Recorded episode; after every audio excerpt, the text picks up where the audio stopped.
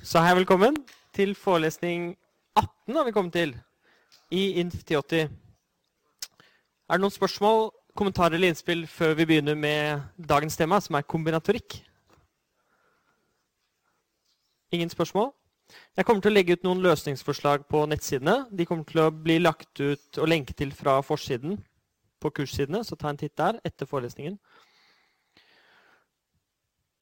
Neste forelesning blir i Store auditorium i det andre bygget. Så på torsdag så er det ikke forelesning her, det er i det andre bygget. Da er vi klare til å begynne med kombinatorikk, som er et veldig spennende kapittel. Det handler om å telle. Og noen av dere har møtt disse begrepene før.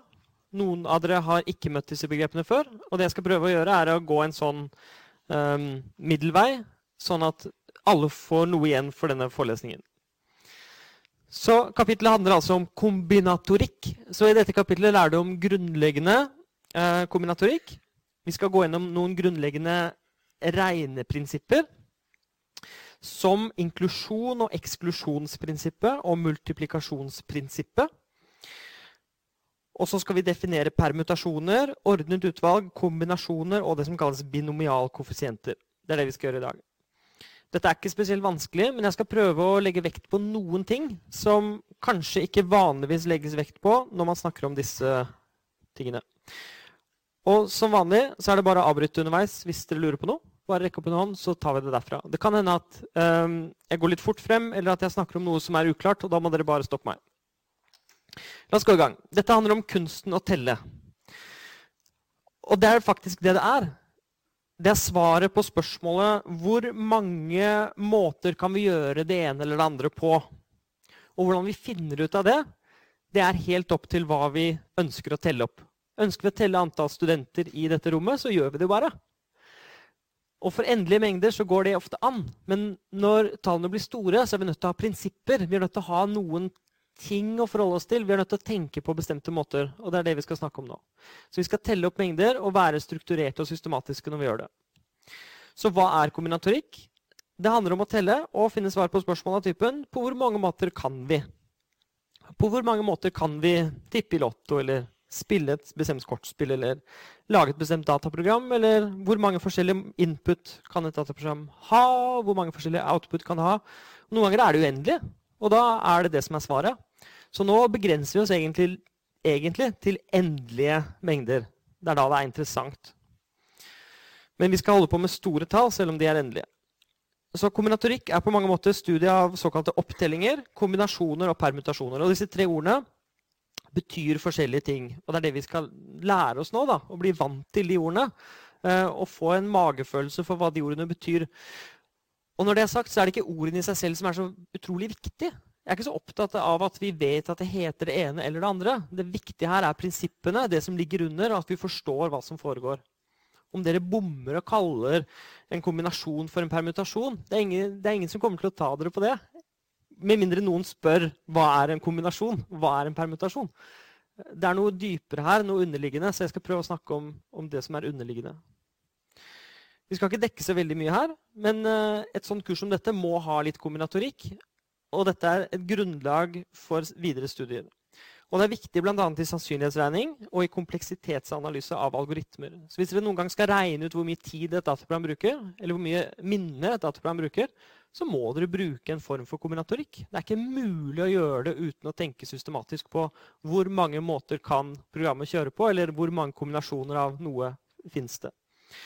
Vi skal altså først se på noen viktige prinsipper for å beregne antall muligheter. Og det er antall muligheter vi ofte ser på. Hvor mange måter kan vi gjøre det ene eller det andre på?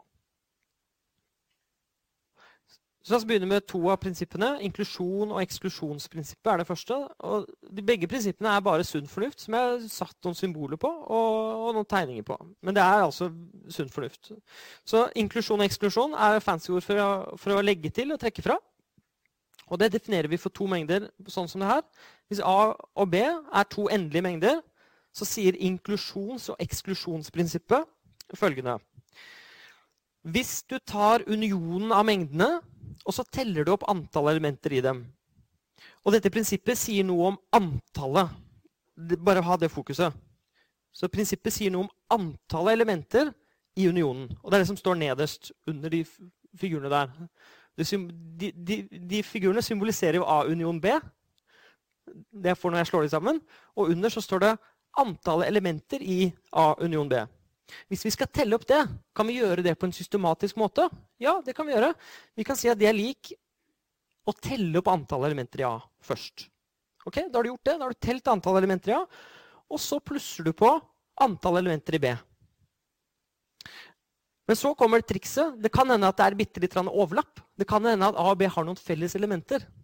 Og det som har skjedd da, er at du har telt de elementene to ganger. Og fordi du har telt de elementene to ganger, så er du nødt til å trekke fra det. Og du er nødt til å trekke fra antallet i snittet. Når du gjør det, så får du antallet i unionen.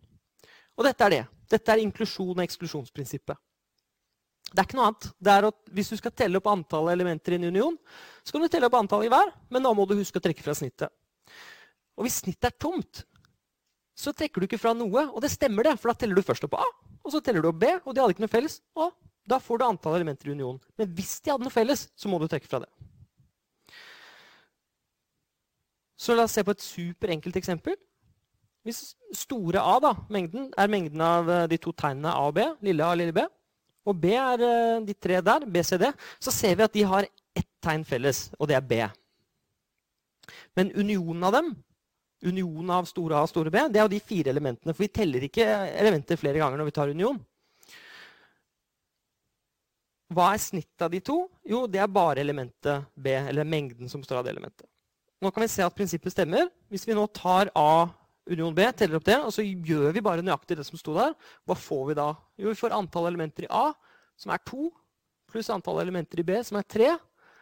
Men da må vi trekke fra 1, og da får vi 4. Og 4 er antall elementer i unionen. Og det ser vi der oppe også, for det er ABCD, de små tegnene, som er med i unionen. Så vi ser at det stemmer. Så dette prinsippet sier ikke noe annet enn det. Og det som er fint, er at det generaliserer. Så hvis vi tar tre mengder på denne måten her, hvis vi skal telle opp antall elementer i den unionen med tre mengder Skal vi gjøre det? Hva, la oss gjøre det. Hva gjør vi da? Vel, det er jo veldig naturlig å telle opp antall elementer i A, og plusse på antall elementer i B, og plusse på antall elementer i C. Men da har vi telt litt for mye. Spesifikt så har jo um, B og C et snitt og det snittet, hvor ligger det? Det er det som ligger både i B og i C. Og det kan vi tegne på denne måten der. Det er det som liksom ligger nederst øret der. Ser dere det? Det er som det området her inne. Det er det som er felles for B og C. Vi må trekke fra det. For det har vi telt for mye. Men så vi vi også trekke fra eh, snittet mellom A og C, som er liksom det nederste venstre der. Og så ser vi at A og B snitter hverandre, så vi må trekke fra det også. Sånn. Ferdig? Nei. Og det er her vi må begynne å tenke. Fordi nå har vi et område i midten der, og det har vi nå Vi skal telle opp alle elementer i, i de midten der nøyaktig én gang. Og så har vi telt det her én gang, to gang, tre gang. Og det er fint, det. Men så har vi trukket det bort tre ganger også. Og det betyr at vi sitter egentlig igjen med null av den. Så vi må plusse på den. Og hvis du hadde hatt fire mengder, så hadde det fortsatt sånn frem og tilbake. Fordi du, du, du, trekker fra, og så har du trukket fra for mye, så må du legge til.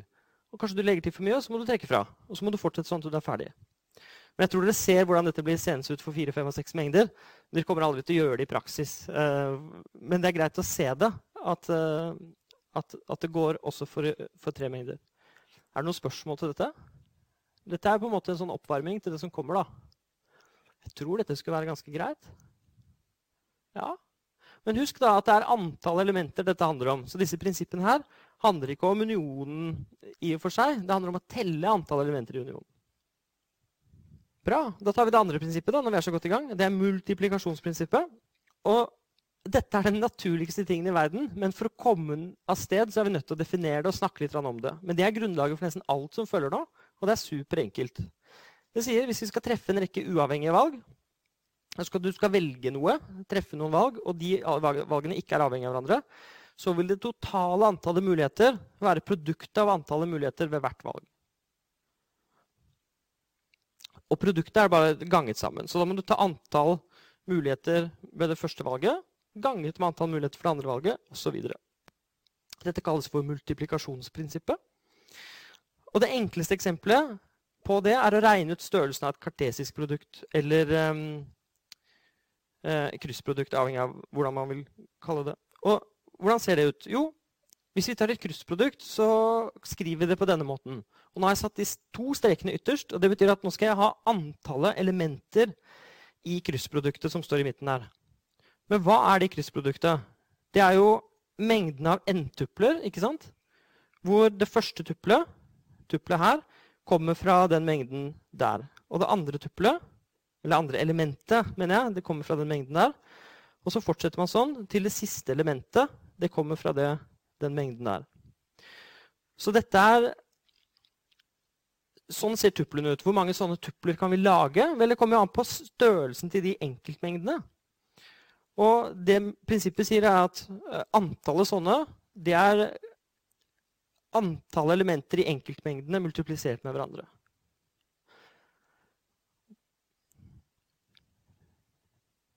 Da må vi ta et eksempel. Jeg tror det, det meste av dette er enkle, enklest å ta med eksempel. Um, nei, ja, ok, la oss ta en, For to mengder A og B så får vi at antall elementer i kryssproduktet er antall elementer i det ene ganget med antall elementer i det andre. Jeg har faktisk lyst til å ta det, for hvis A her er uh, mengden som består av 1 og 2, altså to elementer, og B er en mengde som består av uh, La oss si 3 og 4, da. Hva er med i kryssproduktet da? Vel, det er jo alle elementene på formen, mengden av elementer, hvor det første kommer fra A, og det andre kommer fra B. Så 1-3 er med der. Vi har også med da 1-4. Dette har dere gjort mye. Og vi har med 2-3, og vi har med 2-4. Så vi ser at antallet elementer i kryssproduktet er lik 4, som er 2 ganger 2, fordi det var to elementer i det ene og to elementer i det andre. Okay. La oss ta dette spørsmålet. Hvor mange bitstrenger av lengde 5 finnes det? Og bitstrenger vet dere hva er. Det er en sekvens av nuller og enere. Så hvor mange bitstrenger av lengde 5 finnes det? Vel, vi kan bare tegne de opp. Uh, og de dette her er alle. Sånn ser de ut. Og grunnen til at jeg tegnet det sånn, er at um, jeg, noen ganger så lønner det seg bare mappe ut alt for å se det. Og det skal jeg gjøre ganske mye nå. Så dette er alle um, Er det noen som ser hvor mange det er? Det er, litt sånn, det er, sånn, det er mer enn 10 og mindre enn 100. Så det er liksom sånn 30-ish antall. 32 er det noen som sier. Det er bra. Og hvordan er det vi får dem? Hvordan kan vi koble det til multiplikasjonsprinsippet? For det var det jeg begynte å snakke om. Jo, du skal treffe noen uavhengige valg. Du skal velge hva som skal stå på posisjon 1, og da har du to valg. Og da står du nederst, og så kan du gå enten til venstre eller høyre. Hvis du går til venstre, så velger du 0. Hvis du går til høyre, så velger du 1. Så der må du ta et valg. Og så får du neste valg, og det er hva som skal være i posisjon 2. Og da har du igjen to muligheter. Og de er ikke avhengig av hva du valgte før. Og det er det som er poenget med multiplikasjonsprinsippet. At du treffer noen uavhengige valg. Så uansett hvor mange steg du går oppover, og her går vi fem steg oppover, så må du ta og velge mellom to ting. Så du får to ganger to ganger to ganger to. ganger to. Jeg tror det var Fem ganger. Så du får to i femte. Og det er um, lik to opphøyd i femte, som er lik 32. Og det er jeg mener, veldig konkret. Hvis dere holder en hånd i været, så er det fem fingre og det er 32 måter å, å kombinere det på. Uh, det er én, det er én, det er én, og det er én. Og, og, det er 32 av dem. Så det er veldig konkret, dette her. Og har vi ti fingre, da blir det to opphøyd i ti. Og da har vi, hvor mange kombinasjoner er det? To opphøyd i ti, hva blir det? 1024, ja. Og det er 1024 måter å Det er mange, det. Det er, det er, flere enn vi er her i rommet, så hvis alle velger seg én kombinasjon sånn, så kan vi ikke sant? Så det er, Man kommer veldig fort opp i veldig høye tall på den måten. OK. La oss ta et nytt eksempel. Hvor mange strenger over alfabetet 012 av lengde 5 fins det? Ok, Så nå har vi et alfabet med tre eh, elementer. Det betyr at for første posisjon så har vi tre valg. Og må velge et av dem. 0, 1 eller 2. Og for andre posisjon så har vi også tre valg. Da blir treet senest sånn ut. Og dette liker jeg så godt, for jeg liker å se det. Jeg liker å se hvor mange kombinasjoner det er. Så her nede her har du tre steder å gå. La oss si du går hit, da.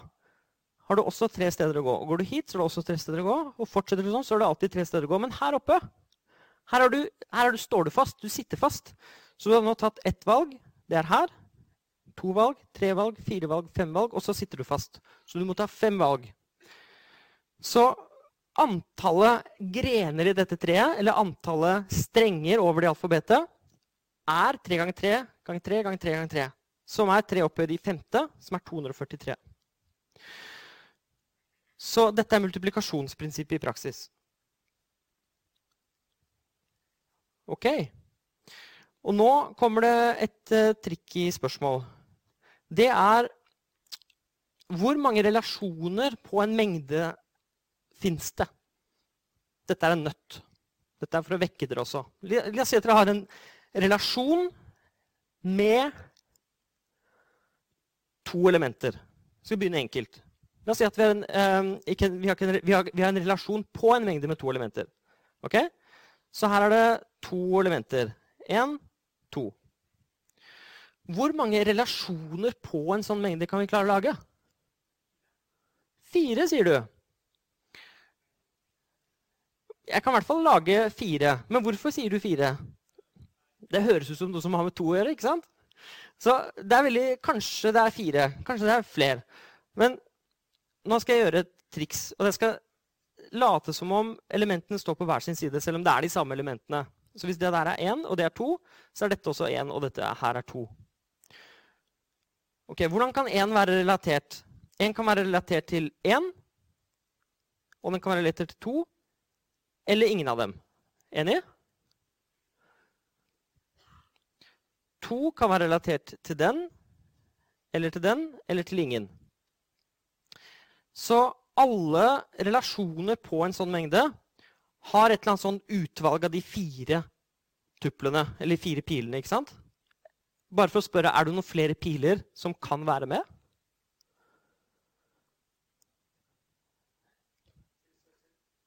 Til seg selv, sier du. Veldig bra. Og det har vi allerede representert, for det går en pil fra én til én.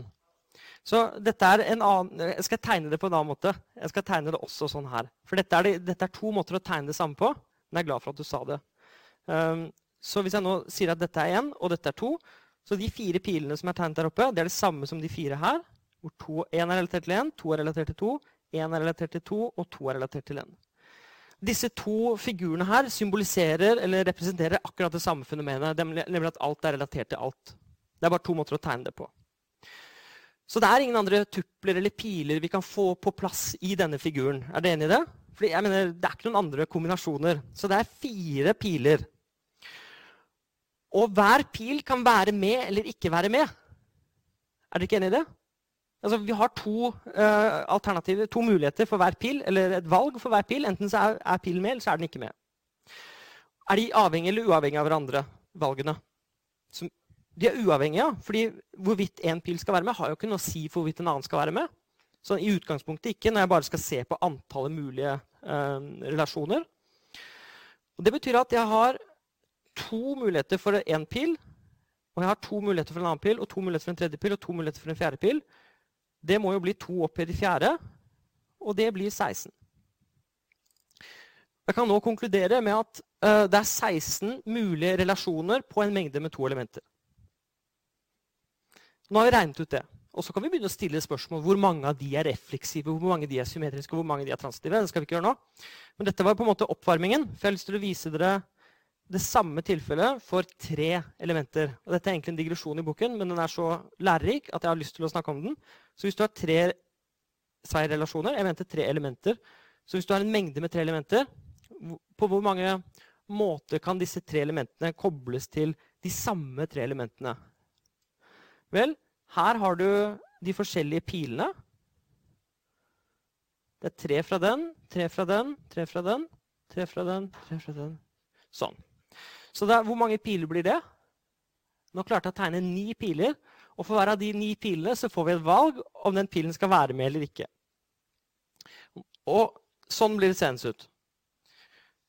dette er et bilde av alle de 512 mulige relasjonene som fins på tre elementer.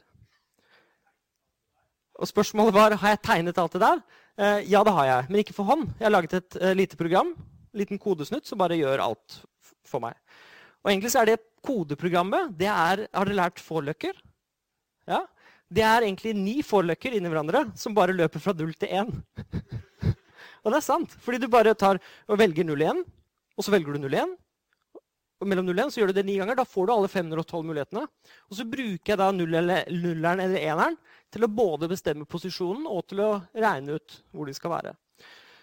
Og nå kan vi zoome inn, og det håper jeg, håper jeg dette blir fanget inn. Men da kan jeg zoome inn La oss si jeg prøver å zoome inn her. Funker dette, eller? Den som er i midten her nå, det er den som relaterer alt til alt. Nei, det er det ikke. Det er den som relaterer et element til seg selv, og ikke noe annet. Så det elementet her, det elementet der, er relatert kun til det. Og den kun til den, og den kun til den. Så jeg kan bare fortelle dere hvordan vi skal lese dette her. For jeg har prøvd å visualisere noe. Jeg vet ikke om jeg har lykkes med det. Eh, det er de svarte strekene som symboliserer om noe er relatert til noe annet eller ikke. Alt det andre det er bare pynt for å fortelle om relasjonen er refleksiv, symmetrisk, transitiv, om det er en funksjon, eller om det bakvendte er en funksjon.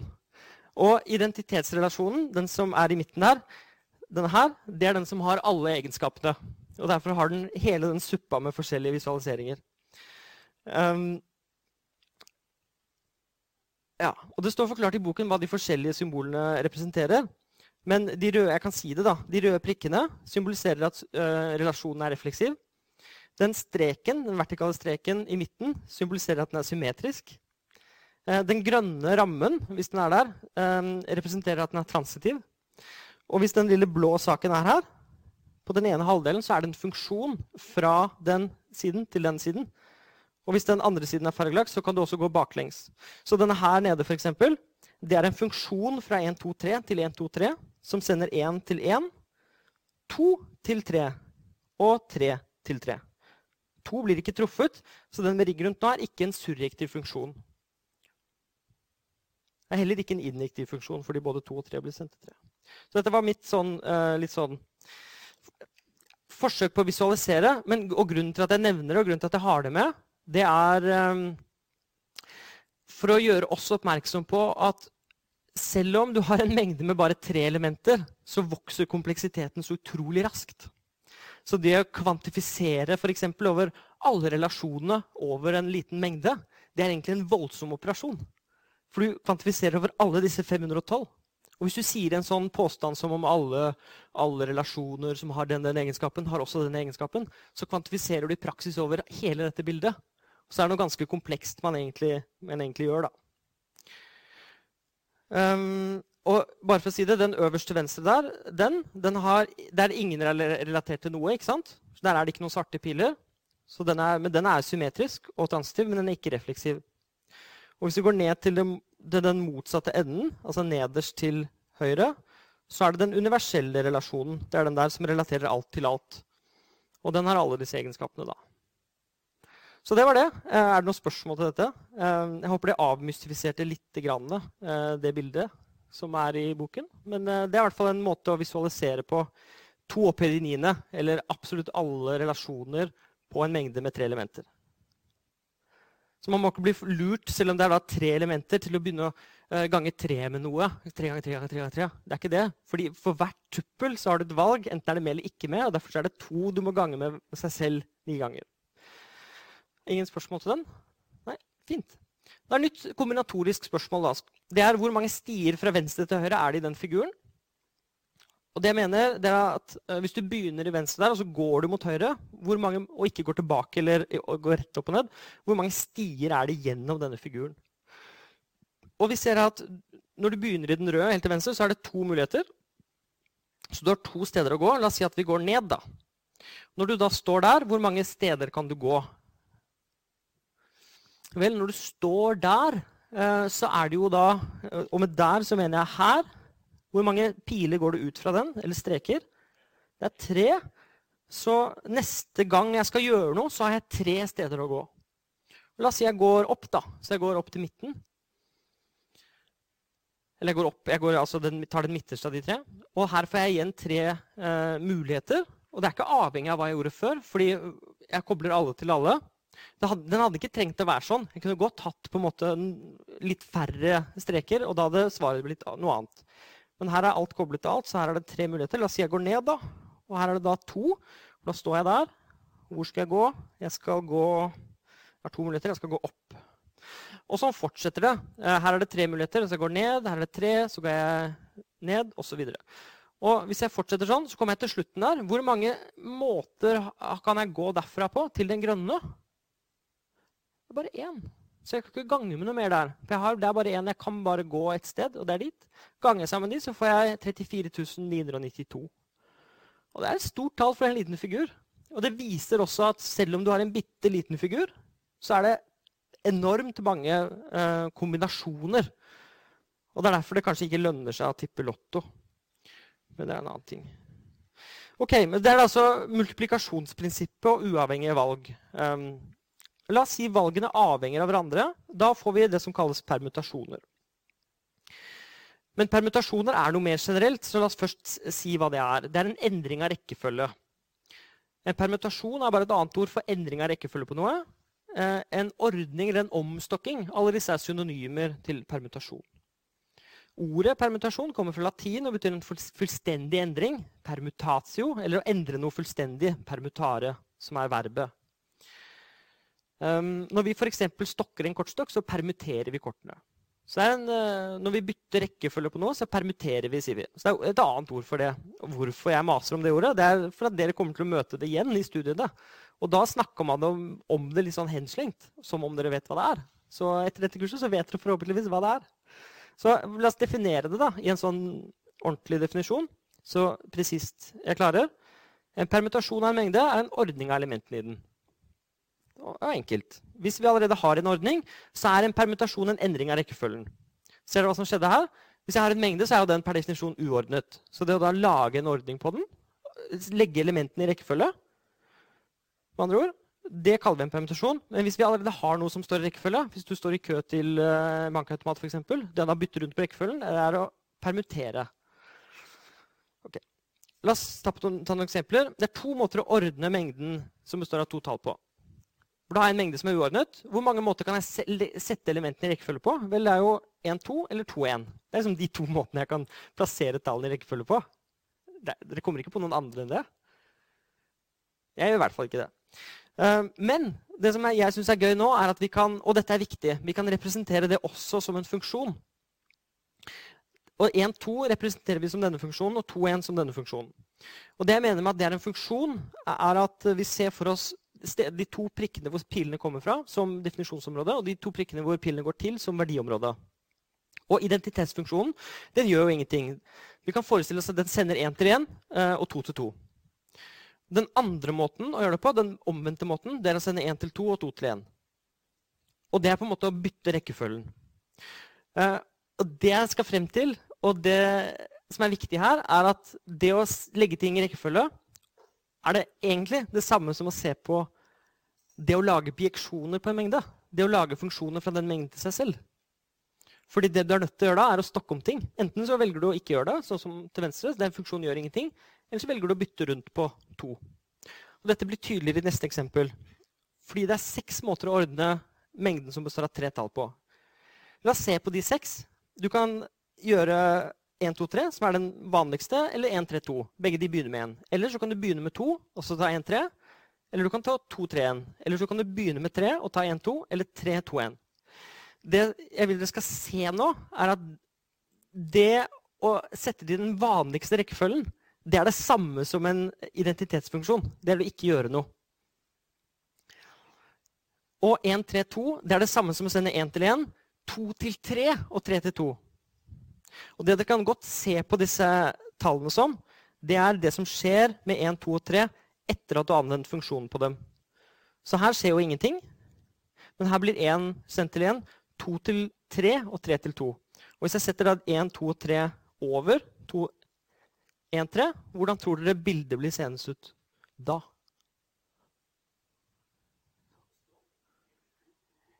Ja, men hvordan blir bildet her nede? Nå skal jeg sette inn et bilde her. Hvordan blir det sendes ut? Og det er min utfordring til dere. Klarer dere å se for dere det før jeg viser den frem? Ja. Går det sakte frem her? Litt? Um, jo, vi kan se at tre blir sendt til tre. Og det er et, det er et uh, hint, ikke sant? Så den, nederst så blir det en strek. Mens én og to må bytte plass. Da får vi det bildet der. Og nå skal jeg vise dere de tre andre, og de ser sånn ut. 3 2 1 er kul, for der bytter alle plass, bortsett fra to som blir sendt til to, men alle krysses samme sted. Er dere enige at dette er de seks eneste bieksjonene fra 1, 2, 3 til 1, 2, 3? Eller er det andre bieksjoner som vi har, som vi har misset i denne, i denne opptellingen? Er dette alle? Jeg påstår at det er alle, og det er derfor jeg tegnet de opp. Og jeg tegnet de opp under eh, måten å ordne tre elementer på. Fordi det er det samme. Og grunnen til at det er det samme, er at du kan se på det på mange måter. Og veldig mange av disse måtene går ut på det samme. Men på første posisjon så har du jo tre valg. Og på andre posisjon så har du to valg. Og på det tredje posisjon så har du ett valg, avhengig av de forrige. Så nå har vi plutselig en avhengighet som vi ikke hadde før. Og når det gjelder bieksjonene, så ser vi at hvis du sender én til noe, og da bruker du opp et element i, eh, i, verdiområdet. Og når du skal sende neste element til noe, så har du bare to steder å sende det til. Når du skal sende siste til noe, så har du ikke noe valg. Så lenge du skal lage en bieksjon. Så bieksjoner og permutasjoner de henger veldig nøye sammen. Og nå kommer det en sånn mental utfordring. Ehm, hvis ikke vi hadde hatt begrensningene om um, bieksjoner, hvis det hadde bare vært funksjoner vi hadde snakket om, da ville, da ville, det endret seg litt. For da hadde vi kunnet bruke elementene i verdiområdet om igjen. ikke sant? Hvis du sender én til én, så kan du også sende to til én og tre til én. Og det svarer nøyaktig til multiplikasjonsprinsippet, det vi hadde tidligere. At du har uavhengige valg. Så funksjoner, generelle funksjoner det har å gjøre med uavhengige valg. Mens bieksjonene har å gjøre med avhengige valg, eller permutasjonene. Så det er en grunn til at jeg sier dette om igjen og om igjen. Jeg vil dere skal se en kobling mellom funksjonene og det å ordne strenger og sette ting i rekkefølge. Er det noen spørsmål til dette? Ja?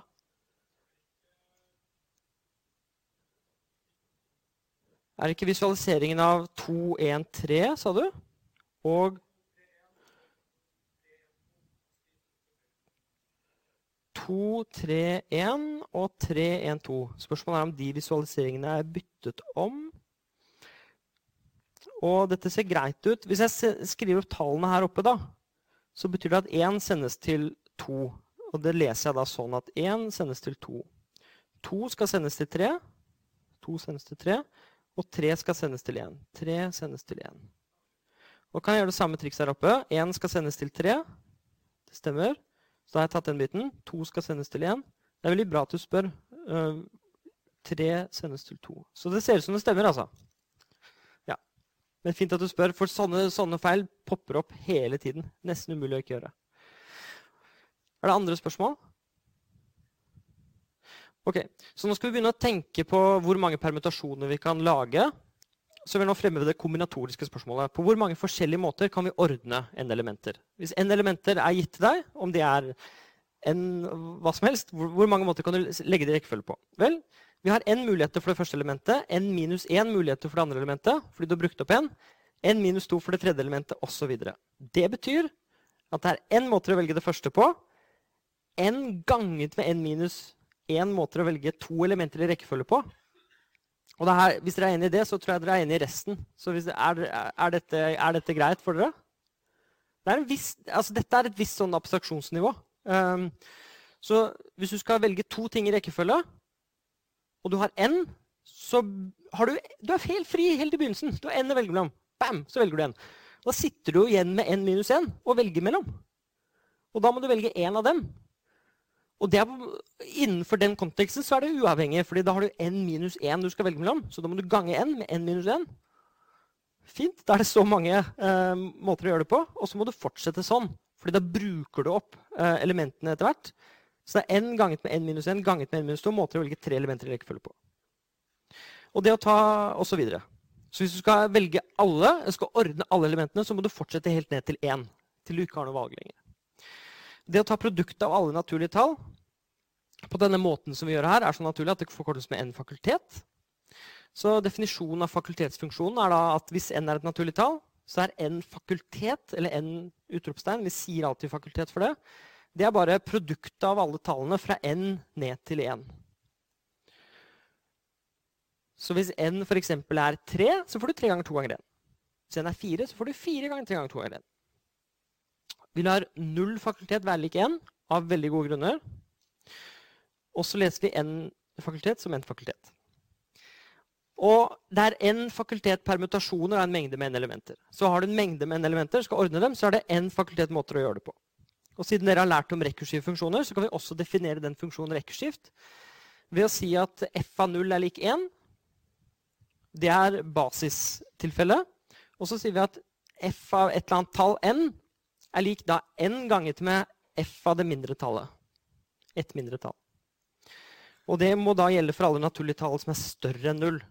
Fordi den ligningen som står der nede, holder ikke for null. Fordi vi skal sette inn et tall her, f.eks. 2. Og da får vi 2 ganget med f av 1, osv. Så, videre. så f av 2 er da lik det der. Og når den får lov til å spille seg ut, så blir den akkurat den samme som fakultetsfunksjonen super enkleste eksempelet det er antallet permutasjoner er en mengde med fire elementer.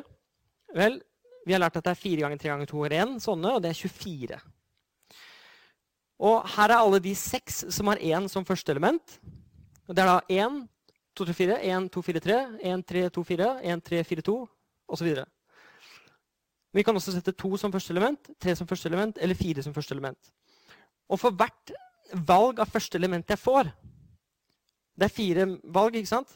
For hvert av de så får jeg seks. Hvorfor får jeg seks bak der? Jo, fordi det er tre ganger to ganger én igjen. Fordi når du har valgt det første tallet, da sitter du igjen med en mengde med tre elementer. Og så skal du ordne de tre elementene. Og da er det tre ganger to ganger én måte å gjøre det på. Og hvis du har valgt to elementer, f.eks. og du har valgt 1, 2, 1, 2, hvor mange måter kan du fortsette det på? Jo, én, to. De to måtene der. Det er to måter å fortsette på hvis du allerede har valgt to elementer. Og hvorfor det? Jo, fordi du sitter igjen med en mengde med to elementer, og antall permutasjoner av en sånn mengde det er to ganger én. Så dette er en måte å visualisere eller se det på. da, eh, At det blir fire ganger seks. En annen måte å se det på det er å tegne det opp som en spesiell type funksjoner, som er bieksjoner. Jeg sier det igjen. Uh, bieksjoner og permutasjoner er akkurat det samme. Det er det samme. Um, fordi her er det seks bieksjoner fra fire til fire. Ser dere noe mønster i de fire? Har de noe felles? Alle sender én til én. Helt riktig. Så den øverste så er det en rød pil, og så er det de andre tre som danser og som gjør ting. Men den første den står stille. Og så får jeg en ny rad med seks bieksjoner. Og ser du noe mønster i de? Du sa én til to. Det er riktig. Det er én pil her som, som ikke flytter seg. Den der. Den er alltid på samme sted. Og de tre andre eh, danser. Og hvis jeg fortsetter og sender én til tre, så får jeg den røde pilen på ett sted. Og jeg får seks eh, varianter av den, og jeg får seks varianter av den hvor én sendes til fire. Og dette er bieksjonene som svarer til de 24 måtene å ordne fire elementer på. Hvis det er én ting jeg vil dere skal ha ut av denne første timen, så er det at det å ordne elementer i rekkefølge på, det er det samme som å lage bieksjoner. Det er ganske dyp sammenheng, egentlig. Det er ikke, det er ikke bare sånn Selvfølgelig, egentlig. Hvis dere sier den setningen til noen, nesten ingen kommer til å skjønne hva dere sier. Altså Hvis ikke de er matematikere. Ja, permutasjoner er det samme som bieksjoner. Hæ? Men hvis dere skjønner det, så er jeg veldig glad. Fordi dere har Dere skal ordne fire elementer. da. Okay. Um, dere har fire ting som skal puttes i rekkefølge. Uh, og måten å gjøre det på er det samme som å lage alle bieksjonene. Fordi når du har valgt deg en av disse bieksjonene, la oss velge oss en. da. La oss si at vi av en eller annen merkelig grunn så er vi veldig glad i denne her. Hvilken sekvens av fire tall representerer den bieksjonen? Så stille. Jeg har sagt at permutasjoner og bieksjoner er det samme. Det var et forslag? 3, 4, 1, 2 sier du. Hvorfor det?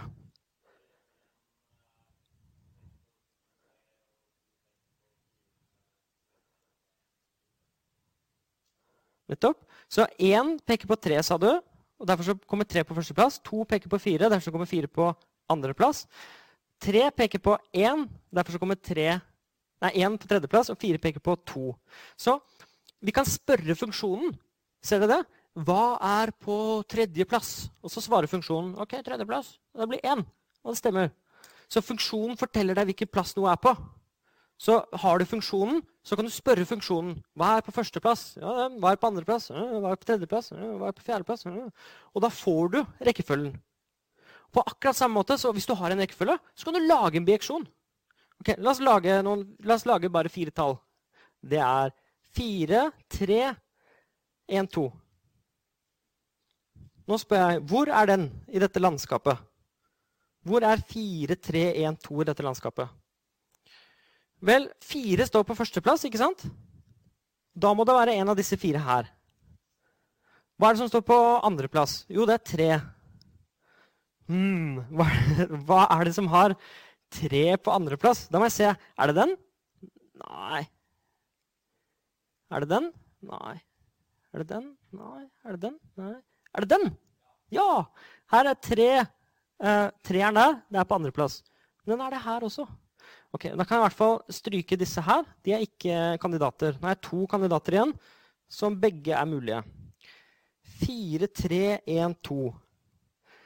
Da skal altså 1 være på tredjeplass. Og da må jeg følge den treerpilen. Hvor går den tredjepilen? Den går til 1. Ah, den er det. Så den som jeg har jeg skal sette rød ring rundt den, da, den der, det er den som gir meg 4, 3, 1, 2. Hvis dere har skjønt dette, så er jeg nesten happy. Men uh, for at jeg skal bli ordentlig happy, så må vi gjøre litt mer resonnering. Og det gjør vi etter pausen. Men først må dere la dette synke. Så fortsetter vi etter pausen med å resonnere om disse tingene. Da er vi tilbake etter pausen. Er det noen spørsmål nå som dere har fått tenkt på dette? Er det greit? Ser dere koblingen mellom uh, bieksjoner og permutasjoner? Det er det jeg ønsker å vite. Dette her på skjermen er 24 bieksjoner. ikke sant? Det er sånn vi representerer funksjoner. Eller det er én måte å gjøre det på. Og de representerer hver og enkelt én måte å stokke om fire elementer på. Den første øverste venstre det er å ikke gjøre noe. Så alle står i den vanlige rekkefølgen sin. 1, 2, 3, 4. Sånn kan man godt se det også. Og den nederste høyre der, den bytter rundt på alle. Så det representerer en annen rekkefølge. I dette tilfellet den motsatte rekkefølgen. 4, 3, 2, 1. Og alle imellom, alle bieksjonene, representerer altså en måte å stokke om fire tegn på. Det er ikke noe annet. Det er et annet bilde jeg har lyst til å vise dere av det samme. Og det er å visualisere permutasjoner. For når vi visualiserte multiplikasjonsprinsippet, så gikk vi oppover i et tre. Og så la vi merke til at uh, etter hvert som vi gikk oppover, så hadde vi like mange muligheter for hvert, for hvert sted. Hvis vi skulle ta antall bitstrenger, så hadde vi alltid to muligheter. Så det ble en forgrening eh, med to nye grener for hvert sted vi gikk. Hvis vi nå visualiserer permutasjoner på den samme måten, så betyr det at hvis vi kun skal ta to elementer og sortere rekkefølge på, så er det egentlig ett valg vi gjør. Og det er skal eneren være først, eller skal eneren være sist. Men når det er tre elementer, så får vi tre som ser sånn ut. fordi hvis du går nedenfra opp, så har du tre muligheter for første posisjon. Og avhengig av hva du velger for første posisjon, så får du to muligheter bare for andre posisjon. Og da får du en torforgrening istedenfor en enerforgrening. Og når du da har valgt f.eks. her, så velger du én og her så velger du to, f.eks., så har du ikke noe valg for den siste der. For her er det ikke noen forgrening opp. ikke sant? Og da stopper det der. Så i praksis så er det to valg du har. Du har et valg her hvor du har tre muligheter, og et valg her hvor du har to. Så du får tre ganger to, og det blir seks. Og det som er så fint, da, eh, er at det er også nøyaktig seks grener i det treet. Hvis du ser nedenfra opp, så er det seks grener der. Og det tilsvarende treet for fire valg ser sånn ut. Så nederst så har du fire muligheter. Og så har du tre, og så har du to, og så har du én. Og jammen meg blir ikke det 24 grener. Og dette er en måte å representere alle permutasjonene av fire elementer på. Hver permutasjon svarer til én gren. Hver bieksjon også svarer til én gren her. Og hvis det er noe som er essensen i matematikk, så er det kanskje å se på en ting på forskjellige måter. Nå ser vi på ett fenomen. Det er å stokke om noe, eller bytte på rekkefølge. Så sier vi at okay, vi kan representere det som strenger, eller vi kan representere det som bieksjoner. Vi kan også snakke om det som grener i et tre. Og dette her er altså en måte å visualisere at det blir 24 på. Jeg gjentar fire muligheter der, tre der, to der, og så har du ikke noe valg i toppen. Da sitter du fast. Så hver gren svarer altså til én måte. Og så kommer da dette treet, som er det tilsvarende for fem. I bånn der har du fem muligheter. Ser dere det? Det er fem grener ut fra den noden der. Og det jeg syns er helt fantastisk enestående, er at hvis man ser på ett sånt deltre her, så er det nøyaktig likt det der. Ser dere det? Det er liksom en, et sånt deltre der, og så er det et her. Og så er det et her. Og Så er det et her. Jeg må bare finne riktig sted. Og så er det et her. Så det er fem identiske deltrær. Og hvor mange grener er det i hvert sånn deltre? Det er 24. Har vi allerede regnet ut. Så det er 5 ganger 24, og det blir 120. Så det er 120 grener i dette nye treet. That's it. Og man ser også dette her at den der, den er også tre ganger her. Nei, fire ganger her. Ser du det? får fire kopier av den eh, inn her. Og på samme måte så er den der den er inni her. Så alle disse er bygget opp av hverandre. Det er veldig fint. Dette, også, dette har å gjøre med rekursjon og induksjon. Så det er ikke, til, det er ikke helt sånn tilfeldig at det er en rekursiv funksjon. denne fakultetsfunksjonen. Um, men dette er altså bildet. Jeg liker det. Uh, det er en måte å visualisere permutasjoner på. Men dette var jo enkelt og greit. Nå kommer vi til neste prinsipp. For nå har vi vært um, veldig interessert i å telle opp alle mulige kombinasjoner. Men la oss ikke vi ha, eller alle mulige permutasjoner. bare for ikke blande ordene. Vi skal bruke kombinasjoner på en helt spesifikk måte senere. Så jeg vil egentlig ikke kalle det vi har gjort, nå kombinasjoner. Vi skal bruke et annet uh, fenomen for det ordet. Uh, men det vi har gjort, da, er å telle opp alle permutasjoner. Nå skal vi bare ta noen. Så vi skal fremdeles være i denne ordnete verdenen, hvor ting er ordnet. Vi er veldig opptatt av nå rekkefølge. Det er det permutasjoner handler om. det er rekkefølgen. Men nå skal vi ta et utvalg. Ikke alle. Skal vi, sagt på en annen måte, vi skal ikke gange nå helt ned til én. Vi skal stoppe. Vi skal altså fem ganger tre ganger to. Nei, fem ganger fire ganger tre ganger to, og så stopper vi. Da kunne vi like gjerne tatt med en ok, nå rotet jeg meg bort. Fem ganger fire, og så stopper vi der. Okay, la meg bare definere det, så går det nok bra. Ordnet utvalg, eller en K-permutasjon, og den K-en bare antyder hvor mange tall du skal uh, ta med. Så hvis en mengde med n-elementer er gitt, og vi ønsker å velge oss K av disse i rekkefølge, så er det n ganget med n minus 1 ganget med n minus 2. Og så fortsetter du ned til det tallet der, som er n minus k minus 1. Dette er de k første tallene fra med n. Og bare for å bevise det for dere La oss uh, begynne med et eller annet tall. Uh, vi setter inn noe konkret for uh, n og k. Så nå lar vi n være 8, og så lar vi k være Hva skulle det være? 5. Bare, jeg må bare vise dere at det stemmer. Så n her begynner da med å være 8. Og så blir den der 7, for det er n minus 1. Den blir 6. Og så står det noe funky helt nederst der. Det står n minus k minus 1. Og det har alltid forvirret meg. Hvorfor liksom den minus 1 og Men hvis vi bare setter inn, og det er den dumme måten å gjøre det på, så får vi at det blir 4. Fordi n minus k minus 1 K minus 1 blir jo 4 bare. K-en er 5 minus 1 4. Så vi tar n minus 4 som blir 4. Så 8 7 ganger 6 ganger 5 ganger 4, det er de fem første tallene fra 8. Så det er egentlig kun det vi skal gjøre. Det er så mange måter å gjøre det på. Eh, fordi du har åtte muligheter først, og så har du syv, og så har du seks, og så har du fem, og så har du fire. Den helt generelle måten å si det på, uh, at det bare er de k første tallene, det er å gå fra da n ned til k minus 1. Og det er K minus 1, fordi det, hvis, du tatt, hvis, du hadde gått helt uh, til K, så hadde du tatt 1 for mye. Så du må ta K minus 1, som er 1 før.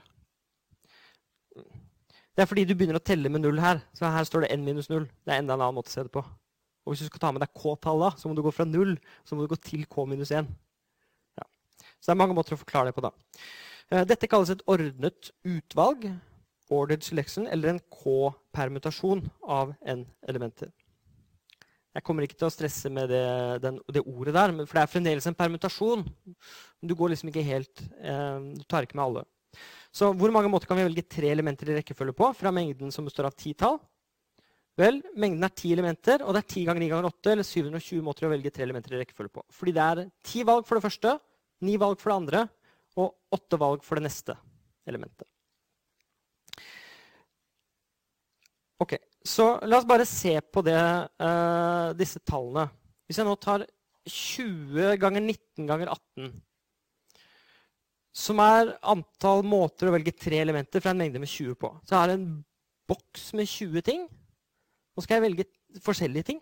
Og så skal jeg velge tre elementer i rekkefølge. Det er 20 muligheter for første valg, 19 for andre, 18 for tredje. Bare legg merke til at vi kan skrive det på en annen måte.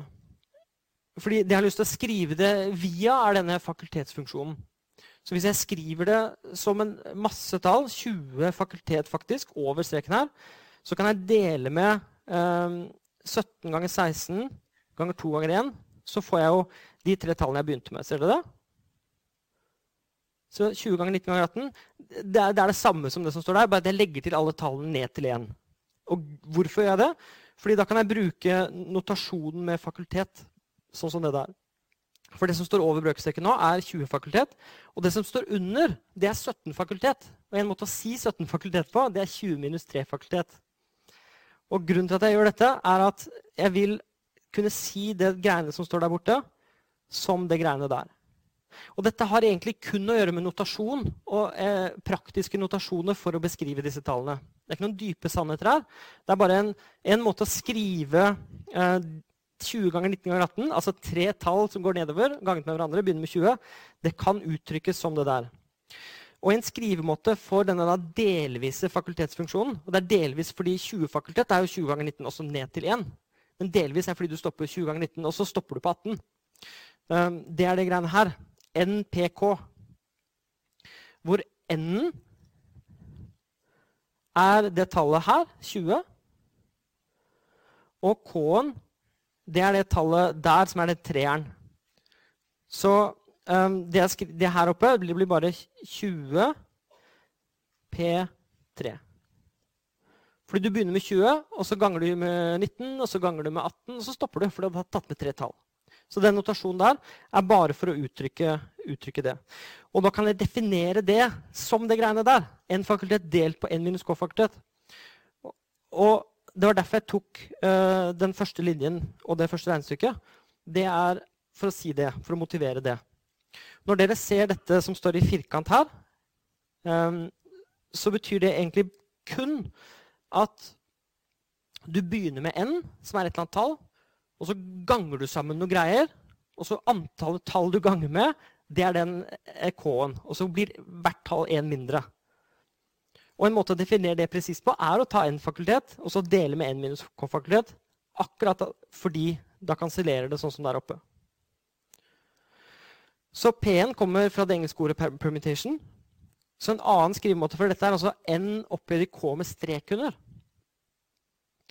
Sånn at det som står der oppe, da ville blitt um, 20 og så 3 med strek under. Og Det kalles ofte på engelsk som 'falling factorial', eller eh, fallende fakultet, eller synkende fakultet, eller noe sånt. Ja, at, det går nedover. Og Det er en annen notasjon for stigende fakultet, men det trenger dere ikke vite. Um. Så dette er bare produktet av k-tall, tre i det øverste tilfellet her, hvor det første tallet er n, og hvert tall er én mindre enn det foregående.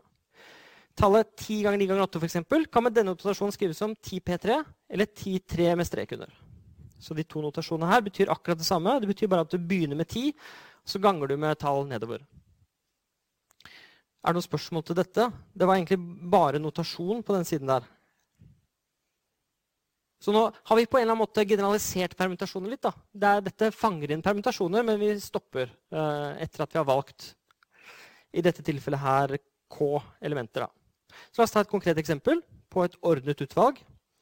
Hvis du skal trekke to kort i rekkefølge fra en kortstokk på, så er det 52 P2 måter å gjøre det på.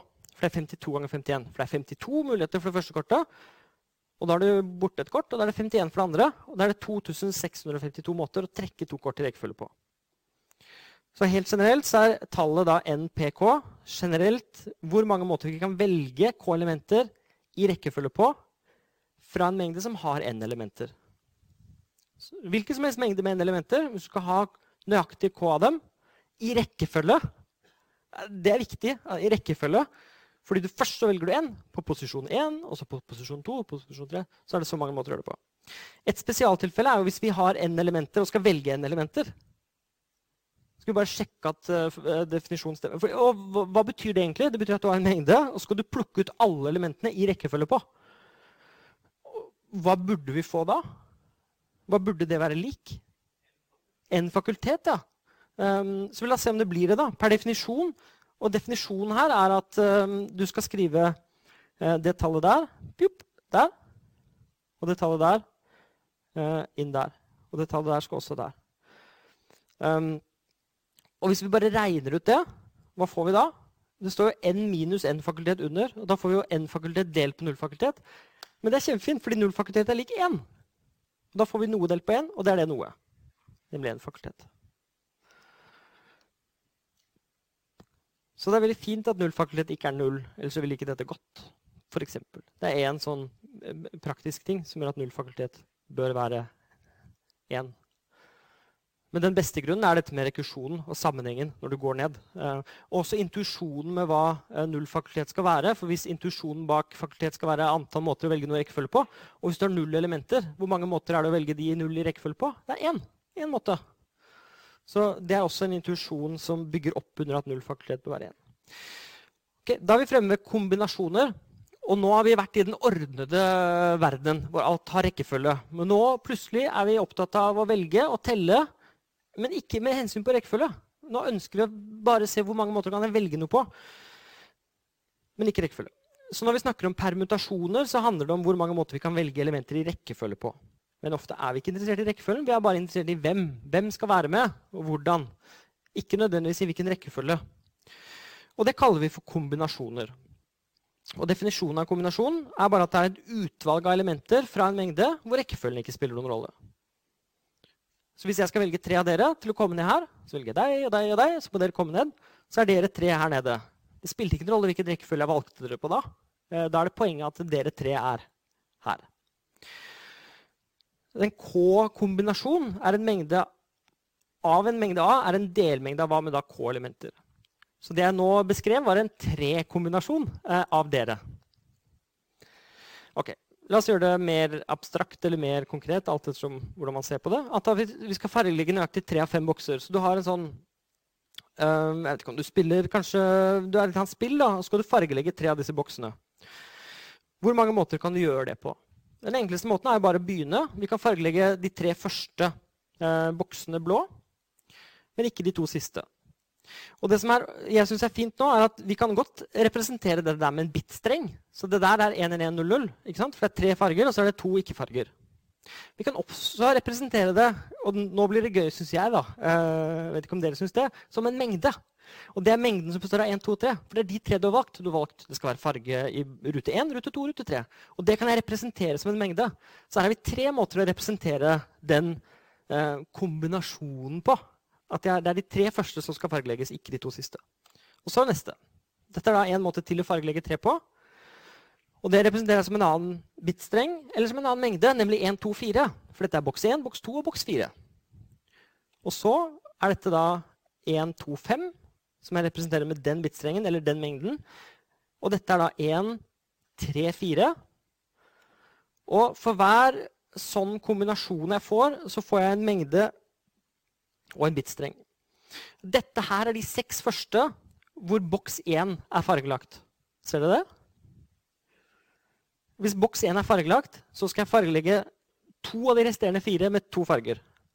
Og det er ingen andre måter å gjøre det på enn de seks måtene som er valgt der. Og da kan jeg se på de tilfellene hvor den første boksen ikke har farge. Og da må jeg sette farge på de tre neste av de fire. Og igjen så får jeg da denne, og så får jeg denne, og så får jeg denne. Og den siste muligheten det er at boks 345 har fått farge. Og det representeres da med bitstreng av farge. Er det noen andre måter å fargelegge eh, fem bokser med tre farger på? Jeg tror de fleste av oss vil være enige i at det, dette er det. Eh, vi finner ingen noen andre kombinasjoner av tre farger på fem bokser. Så antallet måter å velge tre elementer i rekkefølge på, det har vi lært. Fordi hvis jeg hadde hatt disse fem boksene, og så får jeg spørsmålet hvilken skal du fargelegge. Ok, boks to. Okay. Hvilken skal du fargelegge nå? Jo, boks én. Hvilken skal du fargelegge nå? Jo, boks tre.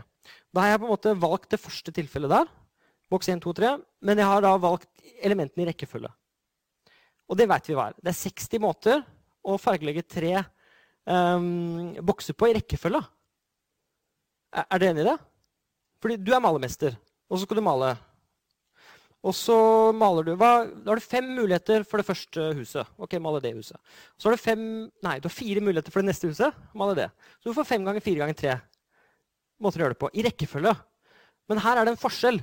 For det er i rekkefølge, mens her, hvor vi ikke er opptatt av rekkefølgen, så er det bare ti. Så vi er 60 på den ene siden, som er eh, antall måter å gjøre det på i rekkefølge, og så har du ti her, som er antall måter å gjøre det på ikke-rekkefølge. Og vi ser at det er forskjell med en, med en faktor på 6. Det er litt rart, fordi, fordi, på den ene siden så er det 60, på den andre er det 10. Så, så det er på en måte sånn seks gang forskjell. Og hvorfor det? Det er, det er spørsmålet vi skal frem til nå. Jo, fordi hver av disse ti kombinasjonene blir telt opp nøyaktig seks ganger hvis du teller ting i rekkefølge. Hvorfor det?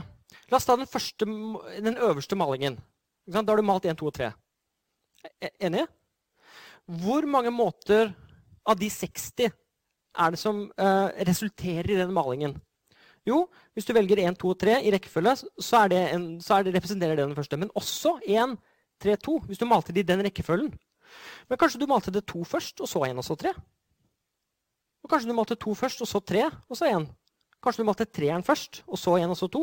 Men kanskje du også malte 3-eren først, og så 2-eren, og så 1-eren. De seks som står der, det er nøyaktig de seks måtene å velge 1, 2, 3 i rekkefølge på som resulterer i at de tre første er malt. Og for hver eneste sånn nedover så får jeg seks stykker. Så jeg får ti ganger seks, som er 60. Det er denne sammenhengen jeg vil dere skal se. Det er en sammenheng med å velge noe rekkefølge på og ikke rekkefølge på. Um, så da vil hver av disse ti kombinasjonene bli telt tre fakultet, som er seks ganger. Så alle disse, tre, alle disse seks mener jeg, disse seks måtene her resulterer i denne malingen. Og Hvis jeg tar en annen, 2, 3, 5 for eksempel, så kan jeg gjøre akkurat det samme der. Jeg kan begynne å ramse opp de rekkefølge. 2, 3, 5, 2, 5, 3, 3, 2, 5 osv. Seks stykker for hver av dem. Så hvis vi skal ta høyde for det når vi skal tenke på kombinasjoner, um, så må vi dele på seks for å få det.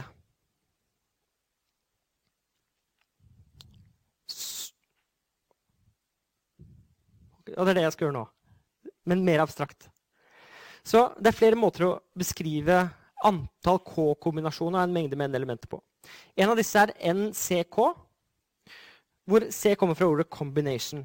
Og det vi så nå, da, det var 5C3. Mm? Vi hadde fem bokser, skulle fargelegge tre. Så vi har bare byttet ut en P med tre. Men eh, en annen måte å skrive det på er det der. Eh, det er en parentes, og i den parentesen står det to tall over hverandre. Og det leser vi som n velg k. Og det er den mest naturlige måten å lese det på. Hvorfor? Fordi man har vent seg til det. så det er egentlig ikke naturlig, det er bare en vane. Så det vi har sett nå, er fem velg tre. Men det er, veldig, det er, en vakker notasjon, og den viser seg å fungere eksepsjonelt godt når du skal regne på det også. Og Derfor så brukes den hele tiden i matematikk. Så det der betyr bare fem, velg tre. Merk dere at vi har ikke ennå uh, definert det. Men vi kan godt nå si at tallet n vel k angir hvor mange forskjellige delmengder med k elementer det er en mengde med n elementer på. Henger du med på det? Hvis jeg har en mengde med fem elementer, 1, 2, 3, 4, 5, og så skal jeg lage meg en delmengde av den med tre, da kan jeg velge 1, 2, 3, 1, 2, 4, 1, 2, 5, 2, 3, 4, 2, 3, 5.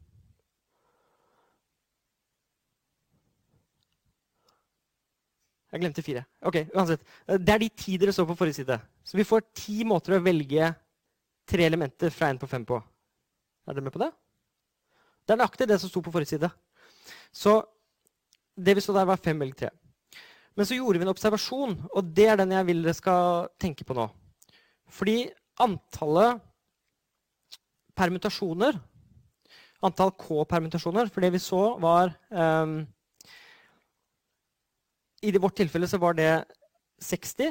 Det er da lik antall måter å velge K på ganget med måten å ordne de på. Og I det konkrete eksempelet så hadde vi 5 P3, som var det samme som 5 velg 3 ganget med 3 fakultet. Som er det samme som 60. Og det vi skal tenke på, er at det tallet der representerer de ti måtene som var ramset opp nedover. Så det er de ti måtene å velge 3 fra 5 på. Det tallet der det var det jeg begynte å skrive opp som var de innbyrdes måtene å stokke om tre på.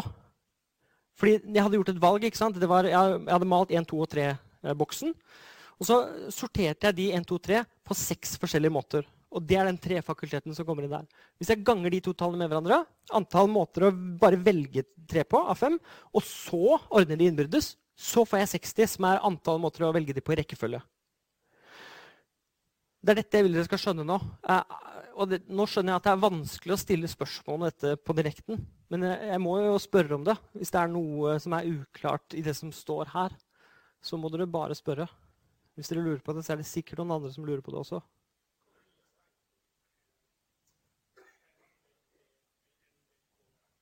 Om jeg kommer til å gjøre hva? Jo, eh, spørsmålet var fins ikke noen regneformel for NVLK. Eh, og det er det vi skal gjøre nå. Eh, vi skal utlede den regneformelen. Det som blir definisjonen av det. Men jeg vil ha med dere på det som står her, for dette er det viktige. nemlig. Eh, dette er intuisjonen som ligger til grunn for det som kommer nå, som er den regneformelen. Så jeg, Egentlig så prøver jeg å snu ting litt på hodet. For jeg kan, jeg, jeg kan gjøre sånn som dere har blitt, fått i skolen. Opp og ned i vente. Dere blir gitt en formel, og så må dere regne med den formelen. Til dere blir grønne og lei, og til slutt ikke liker det. Ikke sant? Eller så kan vi gjøre sånn som jeg prøver å gjøre nå. Det er å fortelle intuisjonen bak eh, med noen eksempler. Og så forteller, vi, forteller jeg etterpå at ja, det er en formel også. Men det, det kommer da nå. Det jeg vil dere skal skjønne, det er den nederste ligningen der. For Hvis dere skjønner den, så tror jeg dere skjønner det andre også. Det som står der, er altså at det å velge tre rekkefølger på fra fem, det er 60. Fordi det er fem ganger fire ganger tre. Det kan du se på som en kombinasjon av å gjøre to ting etter hverandre. Du kan ta alle de ti måtene å velge tre på, uavhengig av rekkefølge. La oss si jeg velger tre av dere. da. Kommer de her. Og så kommer dere ned her. Og så putter jeg dere tre i rekkefølge etterpå. Da ganger jeg med tre fakultet. Så Først så er det antallet måter å velge på uavhengig av rekkefølge. Det er det vi kaller en kombinasjon. Og så jeg, ganger jeg med måter å ordne de innbyrdes på rekkefølge. Da får jeg det totale antallet som jeg ville fått hvis jeg hadde først valgt deg, og så valgt deg, og så valgt deg. For da hadde jeg også fått tre rekkefølge.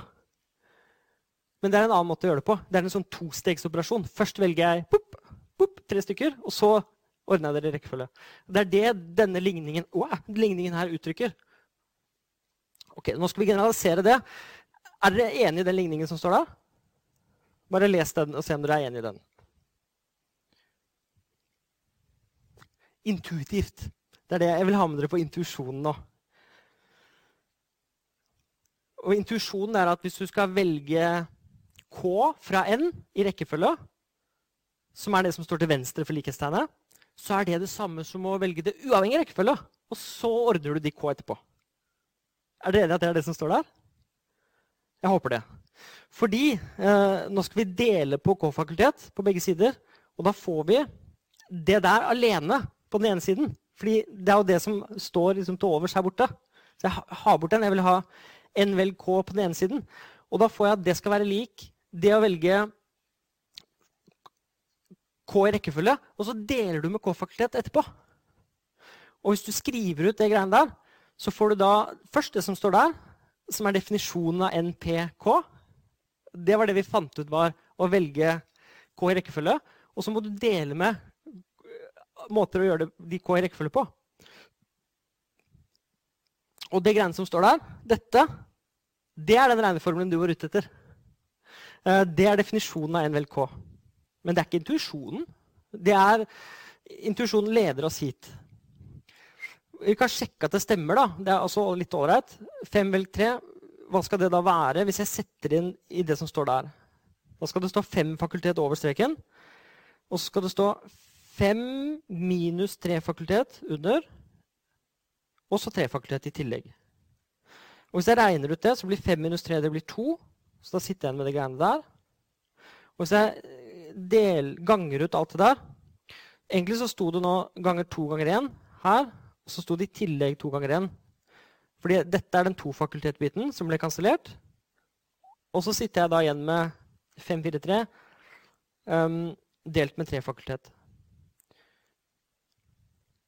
Da kan jeg godt kutte bort de også, bare for å regne det ut. Og da får jeg 10 som svar.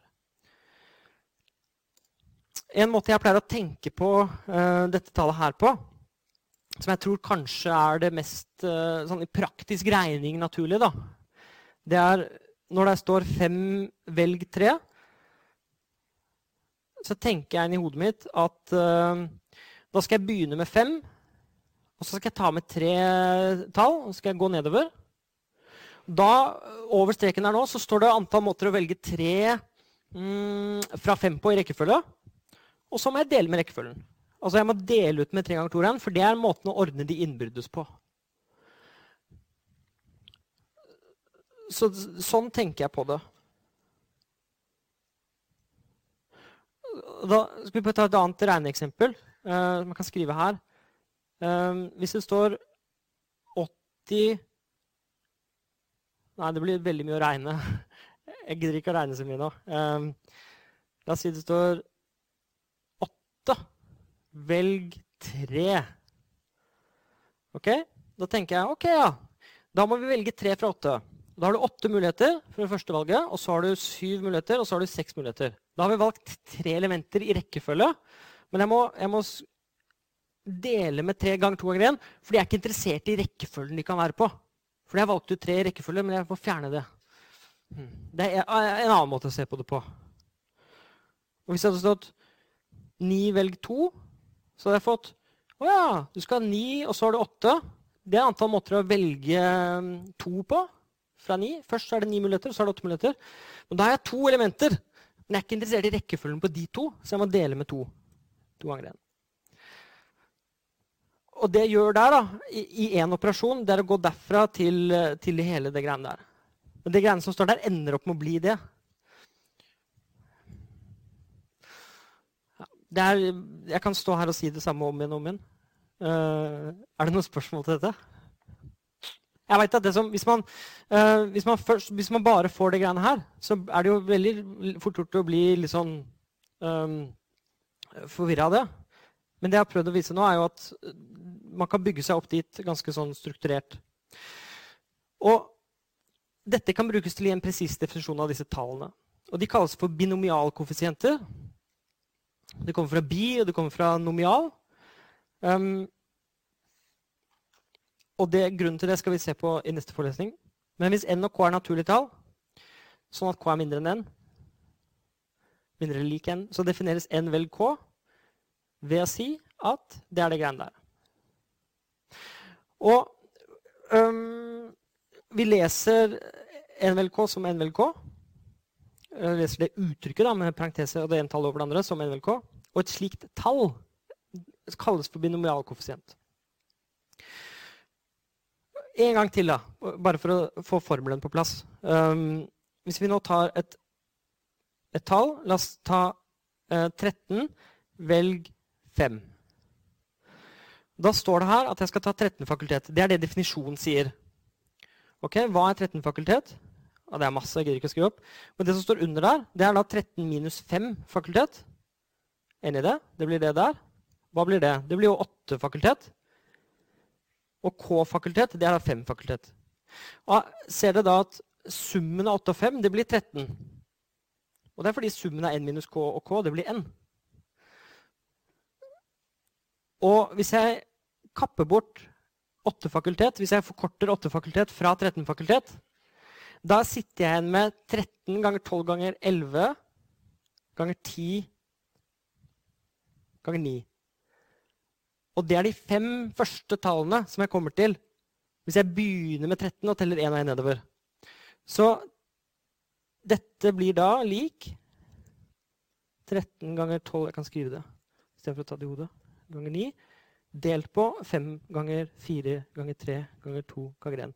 Og det jeg prøvde å si helt i begynnelsen, er at når jeg ser det der, så tenker jeg automatisk eh, det. Det som står over streken, det er 13 P5. For det er de 13 ganger 12 ganger 11 ganger 10 ganger 9 delt på 5 fakultet. Som er måten å ordne fem elementer i rekkefølge på. Og så skal dere legge merke til at hvis du tar n vel k, så er det det samme som å ta n, og så velger du n minus k. Og intuisjonen der er at hvis du har Hvis du skal velge k, um, som f.eks. er uh, La oss ta et eksempel mye enklere. 10 velg 7 er det samme som 10 velg 3. Og grunnen til det er at Hvis jeg har ti stykker, og så skal jeg velge meg syv stykker av dem som skal få en premie, så er det det samme antallet som å velge de tre som ikke skal få en premie. Jeg får det samme tallet uansett. Og hvis dere regner på det, så vil dere se at det der stemmer. Men intuisjonen er at hvis jeg tar ti mennesker og velger syv, antall måter å gjøre det på er å ta ti mennesker og velge tre av dem. For da velger jeg indirekte de syv. Sagt på en annen måte, Jeg kan lage en bieksjon mellom alle måtene å velge på. alle kombinasjonene. Hvis jeg velger tre på, så velger jeg også to av. Um, ja Nå må dere spørre. Hvis ikke så går jeg videre. Nå har jeg, nå har jeg sagt dette på eh, de måtene som jeg klarer å si det på sånn eh, nå, da. For nå ble det plutselig litt mer abstrakt ikke sant? med disse formlene. Og det, det, er ofte litt sånn forvirrende å vite hva, hva er intuisjon og hva er definert. Ofte jeg, Når jeg lærer noe for første gang, så blir jeg veldig forvirret av det. Hva er det som er definert? Fordi gruppelæreren foreleseren kommer og sier at ja, sånn er det definert. Å ja. Uh, og så kommer jeg med alle intuisjonene på den andre siden. Uh, det dere ser nå der oppe, er definisjonen av binomialkoeffisient. Så hvis noen spør hvordan er n vel k definert, altså det symbolbruken, så er det som det uttrykket der, uh, der oppe, n fakultet delt på n minus k fakultet ganger k fakultet. Men det er, ingen, altså, det er ingen matematikere som tenker på n og k sånn.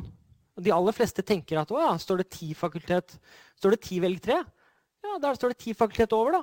Og syv fakultet og tre fakultet under. Det er sånn man tenker på det.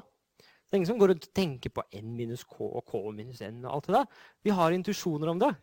Står det 100, velg 4, ja, da er det 100 fakultet. da. Og så er det 96 fakultet og 4 fakultet. Det kan vi forkorte til å være 100 ganger 99 ganger 98 ganger 97 over og fire ganger tre ganger to er 1 under. Så man oppøver seg den evnen til å abstrahere over dette da, også. Uh, og så glemmer man alle symbolene som ligger under, og så husker man det det egentlig betyr. Det er det jeg har forsøkt å fortelle da, nå. Da er det siste tema for i dag. Det er uh, gjentagelser og overtelling. Egentlig så er det det vi har snakket om. Fordi vi har hele tiden snakket om at å ja, du telte for mye, da må du ta bort. Del eller minus. Så å telle for mye gjør vi ofte. Og noen ganger så gjør vi det med vilje, da, men da må vi kompensere for det. Vi har allerede sett det. Det var det vi begynte med. Og vi må, vi må kompensere på riktig måte. Ser dere det som blinker der nå? For noen ganger skal vi ta minus, og noen ganger skal vi dele. Og hvordan skal vi vite hva vi skal gjøre?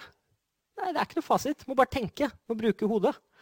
Um, vi har allerede sett overtelling i inklusjon og eksklusjon. For hva var det vi gjorde der?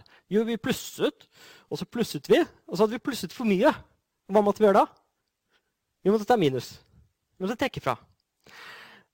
Og, um, da, for der telte vi element i, i, elementene i snittet to ganger. Og da måtte vi trekke det fra én gang for å få riktig tall. Men vi kan også telle for mye når vi teller permutasjoner. Um, og det var det vi så et eksempel på. For vi, vi telte vi, Hvis vi teller permutasjoner, så teller vi rekkefølge. hvor mange måter vi kan gjøre rekkefølge på. Men noen ganger er vi ikke interessert i rekkefølge. Vi er opptatt av hva er det vi får, ikke hvilken rekkefølge vi får det. Og Da kalles det kombinasjoner. Og da må vi kompensere for det. Men da kompenserer vi ikke med å trekke fra. Da kompenserer vi med å dele. Hvorfor kompenserer vi med å dele? Jo, det er jo fordi vi har drivet ganget opp. Vi har ganget for mye. Så da må vi dele litt for å komme tilbake. Så det er en sammenheng her, men vi må kompensere, og vi må kompensere på riktig måte. Så la oss ta to eksempler for å uh, banke dette uh, inn. Eller det var en dårlig metafor. Uh, for å dra dette i land. en annen metafor. Eller for å få litt vind i seilene. Ok. hvor mange strenger kan vi få ved å stokke om på tegnet i strengen ko-ko? Um, ok. Så er det et nytt, veldig sånn praktisk problem som dere ofte kommer til å møte. Eh, hvor mange strenger kan vi få ved å stokke om på tegnene i strengen koko? Vel, eh, den er ganske kort og ganske grei, så la oss bare sjekke hvor mange vi får. Jeg kan skrive k-ene først, og så o-ene. Da får jeg KKOO. Det jeg kan forestille meg nå, er egentlig at jeg har to forskjellige k-er og to forskjellige o-er. Hvor mange måter kan jeg innbyrdes stokke k-ene på og innbyrdes stokke o-ene på? Hvis de er forskjellige typer. Og Da angir jeg de forskjellige typene med å sette en strek under den som er litt sånn annerledes. Jeg mener Du har en K, og så har du en K med strek under. ikke sant? Og så har du en O, og så har du en O. Ja, det var lurt. En O som er en O uten strek, og så er det en O som er en O med strek. Så der står det da K, K, O, O. Men du kunne også lurt K, K, O, O. Ok, dette er en eksempel. Jeg kommer ikke til å fortsette sånn. Men dere skjønner poenget. Det er to forskjellige k-er og to forskjellige o-er. Og dette er de fire måtene å stokke om de på. Fordi jeg kan ha øh, Jeg kan sette k-ene i den rekkefølgen som står der. Først øh, den uten strek, og så den med strek. Ikke sant? Og hvis jeg gjør det valget, så er det to måter å stokke om o-ene på. Det er de to der. Hvis jeg velger den strekete k-en først, så er det disse to her måtene å stokke om o-en på. Så jeg får fire måter å stokke de om innbruddet på. Og så kommer jeg til den andre måten, uh, som, er, som er den jeg begynte med, koko. Da kommer det først en K, og så no, og så en K, og så no. Så igjen så er det fire måter å stokke K-ene og O-ene innbruddet på. Og så er det en måte til. Jeg kan si K-O-O-K, som er først en K, og så to år, og så K. Og det, igjen så er det fire måter å stokke de innbyrdes på. Og så er jeg OKO, O-K-K-O, og da får jeg de fire der. Og dere har skjønt poenget nå. Og um, de på venstre side av streken, det er uh, de jeg får. Det er de seks jeg er interessert i. Så svaret her blir seks. Uh, det er seks måter uh, å, lage strenger på ved å bare stokke om på de fire tegnene. Er dere enig i det? Men hvor, hvordan kan jeg regne meg frem til det? Det er det som er spørsmålet nå. Hvordan kan jeg tenke meg frem til det sånn helt systematisk? La oss si det var uh, et langt ord med masse tegn i. Masse forskjellige tegn. Og så skal jeg stokke om på de. Hvordan kan jeg, kan jeg lage meg en formel, eller kan jeg regne meg frem til antallet kombinasjoner jeg får? på en eller annen måte? Det, mener, dette er et leketøyseksempel, men plutselig en dag skal du lage et dataprogram uh, som skal ta input som er en eller annen streng, eller et eller annet sånt, og da er det plutselig veldig relevant uh, hvor mange kombinasjoner du kan ha, hvor mange omstokkinger du kan ha. Og det er mye som kan representeres ved hjelp av disse. Så, men her ble det seks. La oss bare gå tilbake eh, til det senere. La oss ta et annet eksempel. Hvor mange strenger kan vi få ved å stokke om på tegnet i en annen streng? Da, en, da, står det pappa, og det er PA, PPA. Og der er det tre av en type og to av en annen type. I stad hadde vi to av hver. Nå har vi plutselig tre av en og to av en. Så her er en måte å se på det på. Hvis jeg skriver ut de fem tegnene i den rekkefølgen. Ok? I den rekkefølgen. Så kan jeg se det at hvis med tre forskjellige P-er og to forskjellige A-er, så kan jeg så ser jeg det at hvis jeg bytter om på A-ene, hvis A-ene er av forskjellig type, så kan jeg få to forskjellige ord. Som er det samme ordet, um, som er den samme strengen egentlig. Men hvis jeg, altså det er hypotetisk da, hvis det hadde vært to forskjellige A-er og tre forskjellige P-er, så ville dette vært to forskjellige strenger. For de har byttet om på A-ene. Men jeg kan også uh, bytte om på P-ene. Så jeg kan sette P-ene i rekkefølge 2, 1, 3. Så nå kaller jeg den P1 og P2 og P3. Det er tre forskjellige P-er. Men jeg kan også bytte om på de rekkefølgen. Men 2, 1, 3-rekkefølgen kan jeg også bytte om A på. Og jeg kan sette P-ene i en annen rekkefølge, 1, 3, 2. Med 1, 3, 2-rekkefølgen kan jeg også bytte om på A-ene. Så for hver, dette, for hver kombinasjon av um, ok, For hver permutasjon jeg må være veldig presis, for hver permutasjon av p-ene så får jeg en permutasjon av a-ene. Det er seks måter å stokke om p-ene på, og det er to måter å stokke om a-ene på. Hva blir svaret her? Vel, hver streng, sånn som det, akkurat denne strengen, blir telt tolv ganger. Så hvis jeg ikke tenker på dette med gjentakelse, men kun tenker på de fem tegnene som unike egne tegn Det er tre forskjellige p-er og for, to forskjellige a-er. Hvor mange måter kan jeg legge de i rekkefølge på? Vel, det er jo fem ganger fire ganger tre ganger to ganger én. Hvis det er fem forskjellige symboler, så er det fem ganger fire ganger tre ganger to ganger én måter å gjøre det på. Og det er antall permutasjoner av fem tegn. Men antall permutasjoner av fem tegn er for mye. Vi må dele um, det tallet på tolv. Fordi hvert, hver steg vi er ute etter, blir telt tolv ganger. Så vi får derfor fem fakultet delt på tolv. Og tolv er da tre fakultet, som er måten å stokke om p-ene på, ganger to fakultet, som er måten å stokke om a-ene på. Og da får vi fem delt på to fakultet delt på tre fakultet, som er ti. Det er ti måter å stokke om fem eh, tegn på, sånn at vi får forskjellige ord. Og de, de mulige strengene, eller ordene, er disse her. Og det vil dere skal se nå, er sammenhengen mellom dette og det vi har sett før. Og dette her er det samme som fem velg tre. Og disse ti her er de samme som disse boksene dere har sett også. Fordi vi er egentlig kun interessert i hvor er det a-ene og p-ene skal være. Og her er det a-ene på førsteplass og andreplass. Her er a-en på førsteplass og tredjeplass. Her er på førsteplass og fjerdeplass. Førsteplass og femteplass. Så det er det samme som fem velg tre. Eller det samme som fem velg to. Avhengig av om vi tenker oss at vi velger ane eller om vi velger pene. I koko-eksempelet som vi så, så får vi fire velg to, som blir seks. Vi fikk nå fem velg tre, som var ti. Så vi kunne like gjerne formulert spørsmålene slik. Gitt fire tegn, hvor mange måter kan vi velge to av dem på? Og det er de to som skal være O. Og gitt fem tegn, hvor mange måter kan vi velge tre av dem på? Det er de tre som skal være P.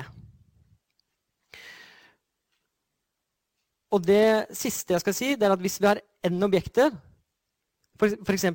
mange forskjellige bokstaver, og n1 har en type, n2 har en annen type, og nr har en siste type, f.eks. så er det um,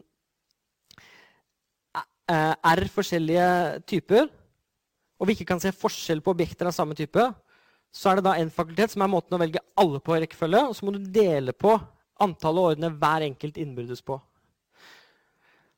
Og det dette er i eksempelet med um, PA-PPA, det er at det er fem fakultet måter å velge alle fem på. Og så må du dele med tre fakultet og du må dele med to fakultet for å ta hensyn til måten å stokke om p-ene på og måten å stokke om a-ene på.